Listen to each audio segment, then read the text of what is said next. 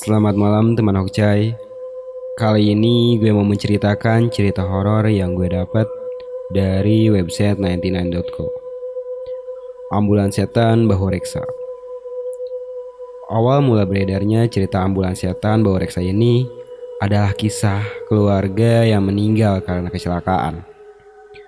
Keluarga tersebut penghuni rumah di Jalan Bahu Reksa nomor 15 Bandung. Konon katanya, ambulan itu yang membawa mereka ke rumah sakit. Setelah mengantar keluarga yang kecelakaan itu, ambulan tersebut pindah dengan sendirinya ke depan rumah Bahu Reksa. Sampai sekarang, belum ada yang bisa memindahkan ambulan tersebut. Walau sudah dipindahkan pada suatu malam, Ambulan tersebut anehnya kembali lagi ke rumah Bau Reksa dengan sendirinya. Cerita ini menyebar dari mana-mana, apalagi orang Bandung itu sendiri. Memang ambulan itu berada di salah satu tempat di kota Bandung. Sontak, gue ngegali lagi informasi mengenai ambulan setan Bau Reksa ini. Kalau kalian lihat rumah bawah reksa ini, kalau dilihat dari luar tampilannya rumah ini biasa saja. Rumah peninggalan zaman kolonial, sedikit kotor dan ada beberapa coretan grafiti. Dan kapur pada dinding dan juga pagar. Cat yang sudah mengelupas bahkan menambahkan kesan mengerikan yang membuat bulu kuduk merinding. Jalan Reksa bukan jalan di Bandung yang gemerlap lampu. Jalannya lumayan sepi. Kalau sudah lewat dari jam 10 malam, benar-benar hening. Kebayangkan situasinya seperti apa? Singkat cerita dari informasi yang gue dapat, konon katanya orang-orang yang gak beruntung bakal ngelihat ambulan itu mondar-mandir di jalan Reksa tanpa mengemudi. Beberapa cerita rakyat mengatakan sebagian sumber kecelakaan yang terjadi di sana itulah ambulan hantu tersebut. Beberapa cerita rakyat mengatakan sebagian sumber kecelakaan yang terjadi di sana itu ulah ambulan hantu tersebut. Dan juga kalau ambulan yang terparkir itu terkadang tercium bau darah yang menyengat, bau amis, dan tentu bikin kita mau muntah. Penampakan-penampakan yang sering muncul membuat masyarakat sekitar rumah itu merasa ketakutan. Banyak laporan warga lainnya yang mengaku sering melihat banyak makhluk astral di daerah Bahu Reksa, tepatnya di depan rumah ambulan. Kala itu ada para penjelajah Bandung yang doyan uji nyali. Katanya ada makhluk gaib. Sosok yang muncul yaitu pocong, kuntilanak, dan juga tengkorak. Ketiga dedemit ini muncul gentayangan sepanjang jalan bawah reksa. Terkadang bersandar di sebelah ambulan. Sosok berbaju merah itu akrab disapa si cantik Lara. Dialah yang sering menilai warga dengan menampakkan dirinya di waktu menjelang malam. Melambaikan tangannya dengan perlahan sembari tersenyum sinis pada siapa pun yang bisa melihatnya. Kalau kalian sedang beruntung, kalian bisa melihat ketiga hantu itu dari ujung kedua jalan Bahu Reksa. Ada keterangan yang sumbernya langsung dari penjaga rumah ambulan itu, yang juga sudah menjaga bangunan itu sejak lama. Bapak penjaga itu tidak membenarkan ambulan itu keluar rumah tanpa ada yang mengendarai. Tetapi pada akhirnya penjaga rumah tersebut mengkonfirmasi bahwa keberadaan posisi ambulan bergeser dengan sendirinya. Ia juga mengiyakan keberadaan tiga sosok yang sering menongol di sekitar ambulan pada malam hari. Wajahnya sangat seram, dan waktu itu ada orang yang foto rumah ini dan sosoknya muncul di dalam foto tersebut. Singkat cerita, Konon katanya ada fakta lagi yang belum terungkap tentang ambulan di rumah Reksa ini. Dilansir dari detik.com, Ternyata pada tahun 2016, mobil tua yang sudah rapuh ini dipindahkan dari kota Bandung ke Parung Bogor. Pemindahan mobil ini disebut-sebut karena permintaan dari anak pemilik rumah bau reksa tersebut. Meskipun ambulan ini kini telah raib, tapi cerita mistis tentang ambulan bau reksa ini menjadi cerita perbincangan banyak orang. Dengarkanlah, dunia fana itu nyata. Hokjai.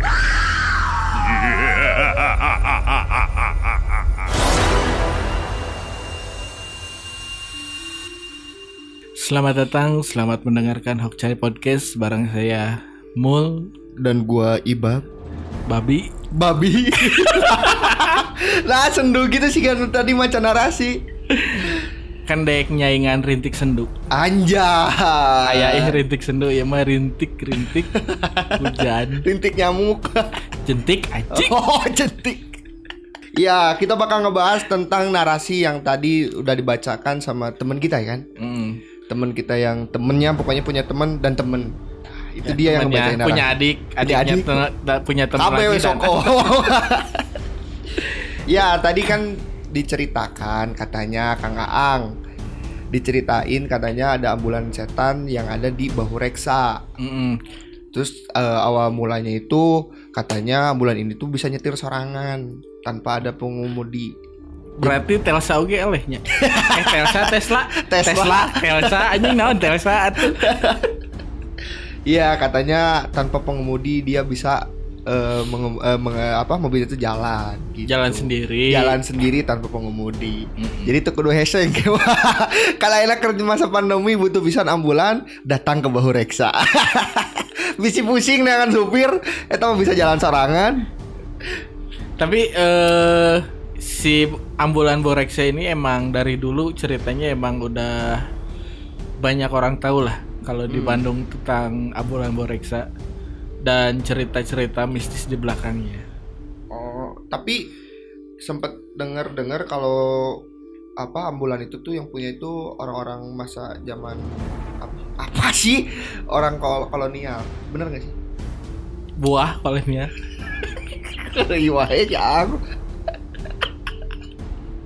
Ada heureuy ya. eh, lain lain buah maksudnya eh, apa orang zaman Belanda. Cenah yang punyanya teh gitu. Dibeli dari rumah sakit eh, yang ada di Bandung. Nggak tahu dibeli nggak tahu diparkirin di situ itu.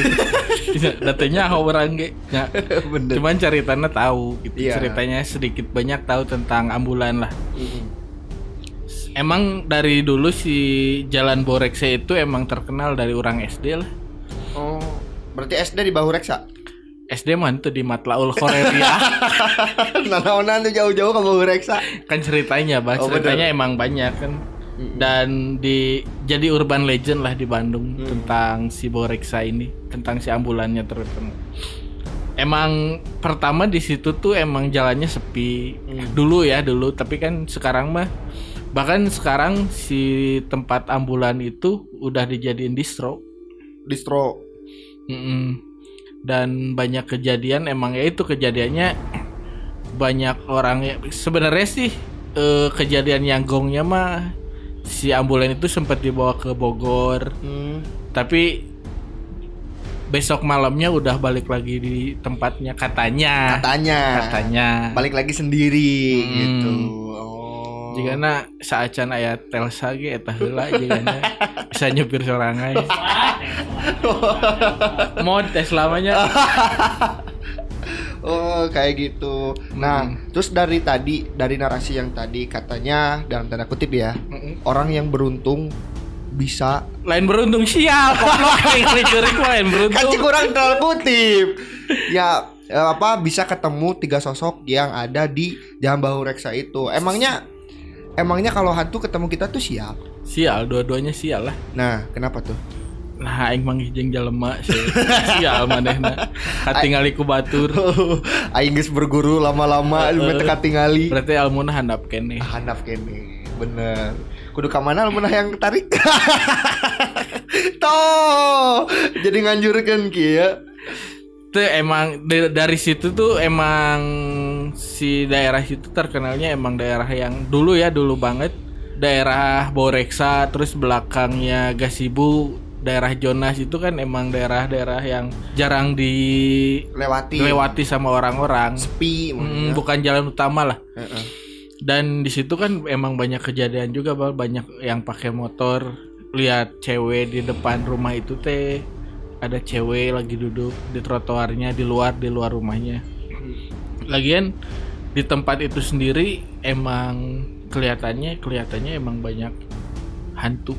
Oh. Tapi eh, melebar dari pembahasan yang tadi ambulan. Ini masa soal hantu ya. Maksudnya lihat di film-film gitu. Kenapa sosok hantu itu selalu ingin balas dendam sama manusia? ya tergantung hantunya lah emang kabeh hantu balas dendam ke jelema teh hantu Wisi. Soalnya kan di film-film kari itu gitu ya maksudnya. nu korban Apakah- pemerkosaan Nah, misalkan gitu seperti sebenarnya itu. bukan hantunya itu lebih ke setan Oh lebih Oh memang beda setan sama hantu. beda Bedanya apa? Kalau Kade setan lo itu- menyebut beda ngaran tungkul. Eta aing geus apal. Ha mah tinu eh hantu mah tinu H, S mah eh, setan mah tinu itu S. setan itu yang menyerupai Oh. kalau hantu emang sosoknya amun teu salahnya itu Hmm. dan eh, si kebanyakan kebanyakan yang sering dilihatin itu justru cewek yang di situ hantu cewek yang di situ Oh, si cantik Clara si cantik Lara ya kan. Mm-mm. Eh, Da amun disebut kuntilanak kayak datang teka aja ya tahu contoh. Teka aja contoh Contoh gitu kan. ya tahu. Ai contoh. Tahu tahu tahu. nyebut pocong kan Hmm, jadi diganti ku leupeut. Awewe tuyul naon kabeh sebutan. Oh, Tapi si ambulan itu kenapa diidentikan dengan mobil berhantu, Bal? karena gini, ambulan tuh kan tidak ada yang berwisata, Kang Aang pakai ambulan. Di mana-mana juga orang sakit, mobil jenazah. Kan kalau misalkan darurat eh, ambulan kan bisa jadi mobil jenazah meskipun ada mobil jenazah. Mm-mm. Nah, Makanya. emang beda mobil jenazah sama ambulan? Kan aya di nu lagi mobil zes. jenazah.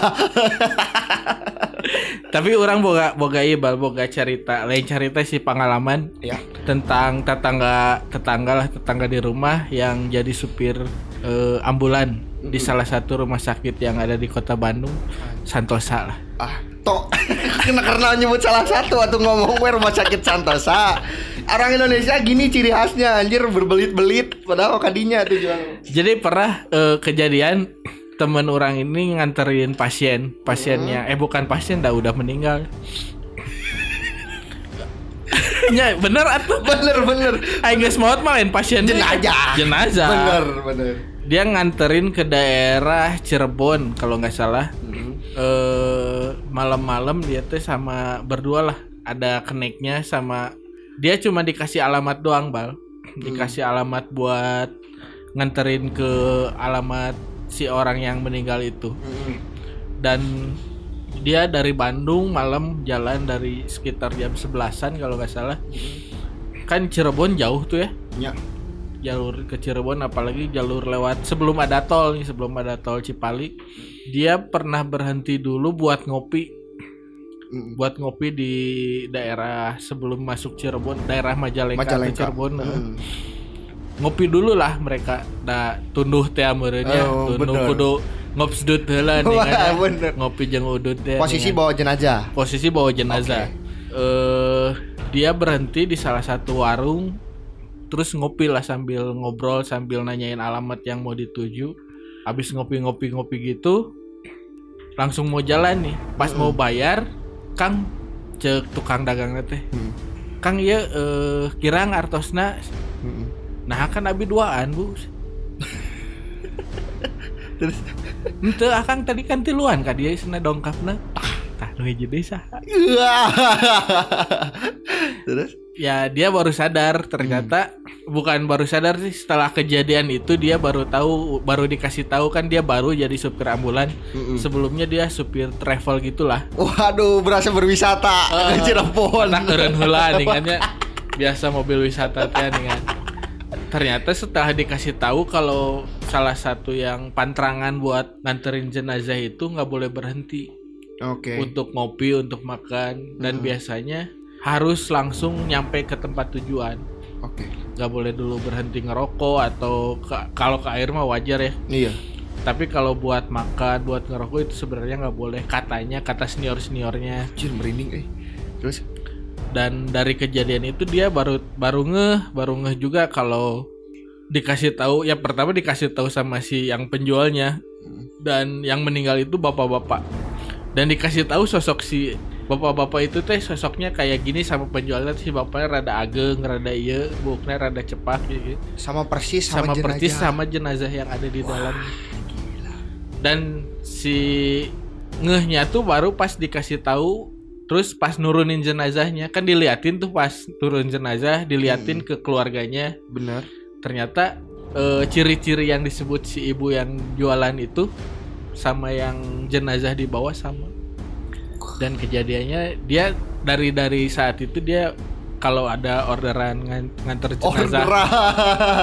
ke luar kota langsung aja langsung. Nggak pernah katanya nggak pernah ngopi kayak yang ini. Soalnya udah pengalamannya nggak enak gitu bang Oh. dan dia sebagai se- selama dua bulan baru kerja tuh banyak kejadian aneh katanya si mobil nyala sendiri Waduh. dan sering terjadi Oh, berarti kalau mau jadi itu. supir jenazah tuh mental harus nya aku udah kuat mental Terus agama memang benar-benar kokoh. antu Ente Misi kan udah pembacaan dan lain sebagainya. Tapi bisa jadi Ya. agamanya lebih kuat kan. kudu kuat ya jalan makanya kan kudu iman kudu kuat Bener. buat tengok jenazah nu gelis nih kamu di jalan di Tapi kukumaha ya ada nantilah kita bahas ya Ada. tentang itu tentang jenazah yang apa yang cantik itu Eh, bisa kepancing birahi. Eh, nah hajol kabirahi Oh kayak gitu memang eh, memang eh, kalau misalkan kita bawa jenazah mau itu jauh ataupun dekat gak boleh Pantrangannya gitu nggak boleh Oh. berhenti dulu harus langsung ke tempat yang nganterinnya Berarti persis sama moto hidup ya. apa Mun aya naon ulah bolak-balik langsung ke tujuan. Jika saya. Ya, jika saya ditembaki aing can mikir. Can mikir kan jika saya. oh, jika gitu. bahkan kalau kalau nya pengalaman orang pengalaman teman-teman yang apa eh, jadi supir jenazah kebanyakan banyak kejadian aneh bang Mm-mm. ya kayak itu kayak mobil nyala sendiri klakson tiba-tiba koslet padahal Nyala. ya sering eh, sering apa sering diservis rutin Hmm. bahkan bau-bau Amis. nggak nggak nggak kecium bau amis justru kata teman orang mah baunya bau ini bau yang Bunga, baru bunga. meninggal padahal nggak pernah bawa jarang gitu jarang ada meninggal teman baunya tuh nempel Oh. Tapi kalau dibuktikan dengan biologis mah nggak nyambung kan? Eh nggak masuk nyambung, akal kan? nggak masuk lah Orang udah nggak ada ya, Mm-mm. tapi baunya masih ada. Oh, kayak gitu. Tapi kenapa ya eh, hal-hal seperti itu sering muncul? Padahal kan kita nggak tahu eh, apa jenazahnya itu siapa atau seperti apa. Tiba-tiba ya kan tadi eh, setan itu pada nggak ganggu gitu. Padahal kita kan nggak punya masalah sama Ya mereka. mas isi setan nah we meureun ngajak masalah anjing aing kudu Ngajak nyen dia kudu nyen masalah ya. Aing terama hirup kiki wae teka tinggal we ku batur kurang jeung masalah Tapi kan emang sifatnya setan kan gitu betul diciptakan untuk menjahili dan apa mengganggu mengganggu terus menguji iman kita. bener Ai imanna teu kuat, Iya. panggil setan mah langsung kabur. Anjing setan. anjing anjing Tapi anjing. amun iman aku astagfirullahalazim, karek lompat. karek lompat bener Iya mah ada si anjing disebutnya. Padahal ka aing pocong. Jangan kadang mun jelema mau gini ke orang Sunda mah Hei si anjing reka mana Heeh we dari ka dieu Padahal jelema lain anjing. Tapi kan udah jadi kata imbuhan anjing Bener. gitu di orang Sunda. Udah kata perb Perb. Perb Anjing. Bahasa Inggris kayaknya. Ya tapi balik lagi ya maksudnya eh, apa dari pengalaman-pengalaman yang tadi ang ceritain terus dari narasi artikel yang mungkin eh, mitos bisa jadi ataupun fakta Hmm. Tapi tidak kan. banyak kejadian bahkan yang difilmin juga kan banyak. iya mungkin kan referensi film memang jadi ke- eh, dari dunia nyata Mm-mm. nggak mungkin dia bisa cerita fiktif gitu kalau misalkan dia nggak pernah Gak ada cerita yang pernah terjadi gitu. Iya, ya sedikit disclaimer buat temen Hokcai. Kalau kita di sini kan ngebahas tuh kayak yang bercanda kayak gitu. Memang kita tuh emang bercanda aja kalau misalnya gak gak gak, gak perlu ribet-ribet ya kan. Maksudnya ringan-ringan aja, sersan. Sersan. Itu nih, serius tapi santai. Wah, Wah, berat. ya kayak gitu temen Hokcai. Kesimpulannya, ah, jojol aja kesimpulan Eh wae. ya kan bisa jadi buat bisa apa ya? Kalau misalkan kita, nah satu lagi orang Indonesia mah mun aya ambulan teh setara nyisi dan Ya, sebagainya. lolo tengah hargaan. Pantesan sih saya tak ngeganggu udah jalanan atau udah di halangan ngeganggu bisa aing cenah ieu rek datang ke kuburan yo di halangan. Ya eh, sebenarnya kalau ngebahas masalah ambulan sebenarnya nggak usah takut. Bener. Da emang fungsinya itunya. Mm-mm. Terus nggak perlu dilebih-lebihin lah. Maksudnya kalau lihat ambulan teh kan ai orang Sunda mah anjir itu pasti anu maut. Jadi kesan ambulan teh masih kene Eh, bener-bener horor gitu Oh, padahal kan bisa wae nu di jerona nu nu gering dianterkeun nya. bener bisa we nu keur dahar di jero Heeh, bener. juga Maksudnya perawat nu lapar. Jika anu iya kan pernah ya di Jakarta gini nya ambulan ambulan nyaho jerona batu. Yang ieu demo teh. Jika eta eh si nyebut nyebut Siga itulahnya, jika itu. kan aya salah satu ormas. eh ormas gitu. Goblok aja disebutkeun eta aja. Kumaha ieu ieu editor anjir pusing kieu gitu. Ya jangan salah di eh, jangan salah digunakan. Kan kebanyakan gitu jojol ambulan kosong. Kan ku zaman ayeuna nya Bener. zaman covid kan di TikTok atau di Instagram banyak eh, menghasut juga Hmm. jadi bikin pas ke zaman covid gitu kan pasti anjir aya nu maot ya ambulan Oh. sabaraha hiji Bener. orang pernah ngitung bal pas ke siarannya Hmm. di daerah Cibiru orang siaran 4 jam Hmm. eta teh keur zaman usum-usumna si ambulan teh keur pasaliwar urang aja ngitung di, di mimiti datang pas ada siaran tapi keanggus aya 20 eh leuwih di 30 opat ambulan eta nu bulak balik eta teh teuingnya bener mau anu maot teuingnya keur nyingsieunan teuing peran pemerintah dalam Oh, aduh. Jero jero jero jero jero jero jero jero jero. dalam menyelesaikan kasus covid Benar, kan benar. Benar. Terus akan aya hiji cerita doge. Um, maksudnya jadi lanjut orang teh kan ke jalannya. Mm-mm. Kakak orang teh lagi di jalan. Set. Dikasih jalan tuh si ambulan teh. Dikasih jalan, set. Wah, urgent ya. Dibelokin lah kakak orang. Kebetulan kakak orang lagi dinas. Hmm. Pas itu dibelokin, set si ambulannya duluan. Ternyata pas karepkeun belok ke restoran. Berarti lapar